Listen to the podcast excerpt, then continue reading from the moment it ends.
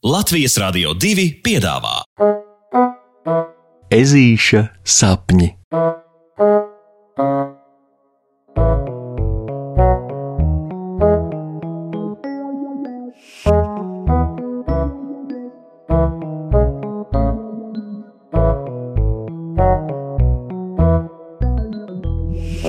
Ezītim nekas negaršo. Pusdienās aicinoši noskan puksīša mammas balss. Tas nozīmē, ka viņas rosīšanās virtuvē ir galā, un pa visu māju smaržojošā ēdmaņa ir gatava baudīšanai. Hm, jā, baudīšanai, ja vien viņam gribētos ēst to, kas uz šķīvja. Atkal dārzeņi, hm, vakar jau bija dārzeņi, ir pirmais, kas ežulim izsprūk, ienākot virtuvē. Nē, puksītis negrib būt nepieklājīgs, vienkārši kaut kā viņam nekārojas kreptīgo. Mamo, man negaršo brokoļi, tu taču zini. Puksītis iemēģina atrunāšanās laimi, bet tie ir ļoti veselīgi. Ežuļa iebildumu pabeidz mammīte. Nu jā, bet eh, man nepatīk, ka brokoļiem ir pieskārušies burkāni, bet burkāni ir kopā ar pupiņām, un, un pupiņas ir. Tad pabīdi visu tālāk citu no cita un ēd atsevišķi.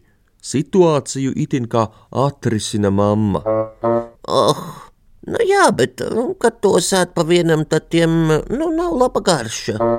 Ežulis turpina gausties un Ieraudzījis mammas sejas izteiksmi, uzreiz cenšas situāciju atrisināt ar: uh, nu, Saproti, man garšo, un, un tāpēc es būtu labi paēdis, piemēram, no cepumiņiem un limonādes, un kāda gabaliņa šokolādes saldajā.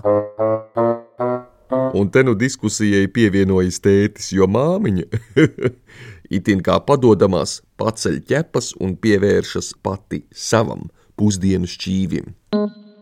Aha. Bet, Klau, čempioni, tu taču zini, ka, lai augtu vesels un stiprs, vispirms vajag paēst kārtīgu ēdienu. Mm, tici man, ja tagad saēdīsies tikai saldumus ekskursijas laikā, tu būsi jau saguris, un tev burkšķēs puncis. No, puksītis itin kā grib ko teikt, bet ko lai saka pieaugušajiem, kuriem liekas, ka viņi tāpat visu zina labāk? Lai gan, nu, ja godīgi, tad pēc cepuma ēšanas puksītis vienmēr ir daudz priecīgāks nekā stundu nomocījies pie šķīvja ar dārzaņiem un zaļumiem. Tas jau ir pārbaudīts nereizi vien, tāpēc neviens viņu nepārliecinās par pretējo. Lai nu kā, Brīnumainā kārtā šoreiz vecāki, liekot gan puksītim apsolīties sava kreptīgā porciju noteikti apēst vakarā, atļauj ziķerim izlīdzieties ar dažām avenēm, kas bija domātas saldajam. Urā!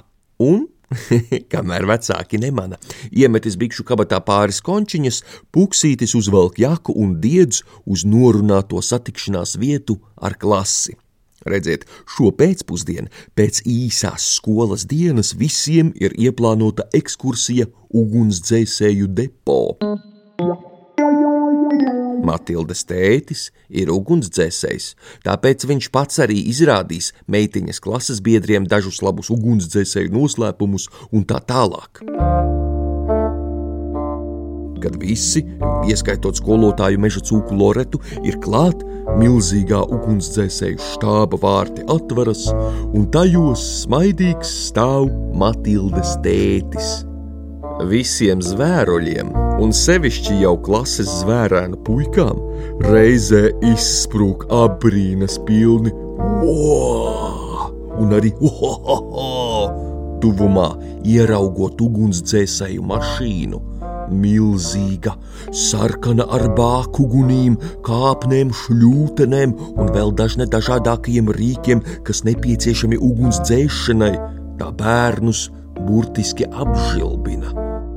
To visu aptaustīt ir tik mega, giga, super interesanti, ka droši vien tieši tāpēc, pēc jautājuma, kurš grib iesaisties ugunsdzēsēju mašīnā pirmais, Zēnu vidū pat izceļas neliela grūstīšanās. Galu galā skolotājas Loretas savaldīti, visi ir nostādīti rindā, un mašīnā iespēja iekāpt ir katram. Izsēdējušies kabīnē un uzpīpinājuši visiem ar tauri, zvēruļi turpina jaunatklājuma pilno ekskursiju, jo ugunsdzēsēja darbs nav tikai braukšana mašīnā. Katrs tiek pie iespējas uzvilkt ugunsdzēsēju aizsargtērpu, kas pasargā no uguns. Izrādās, ka īpašais tērps ir neiedomājami smags. Puksītis tajā knapi spēja noturēties kājās. Tāda bērniem ir iespēja paturēt rokās arī milzīgo ūdens šļūteni, iztēloties, kā viņi dzēš uguni un tā un. Nu jā, arī tā izrādās tik smaga, ka ežulim vajag palīgos stiprākos klases zvērus, lai šļūteni vispār atrautu no zemes. Un izrādās, ka smagi ir arī ugunsdzēsēju zābaki, un cirvītis, un virve, un, un pilnīgi viss, kas vien skar ugunsdzēsēju darbu. Bet Matildes tētis, iedomājieties, viņš, lai arī ir vāveru kungs, viņš ar visiem šiem mežonīgajiem smagumiem rīkojas tā, it kā tie vispār būtu pūku vieglumā. Kā gan tā? Ekskursijas izskaņā skolēni un skolotāja tiek aicināti ieturēties ugunsdzēsēju kafetērijā.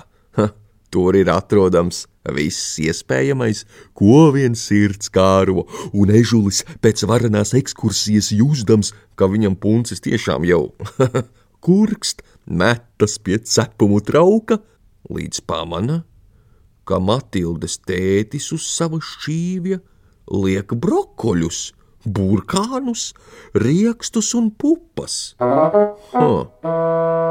Apdomājis redzēto, puksītis noliek malā cepumu un kreptīgu ēd nevien ugunsdzēsēju depo, bet arī mājās, mammai un tētim brīnoties vien un kad puksītis vecākiem atklāja, ka arī viņš grib būt stiprs kā ugunsdzēsējs, mamma smējot vien piebilst: Ja būtu to ātrāk zinājusi, jau sen puksīti būtu pie ugunsdzēsējiem sūtījusi. Lūk, tā. Pasakas beigas. Ar labu nakti, draugi!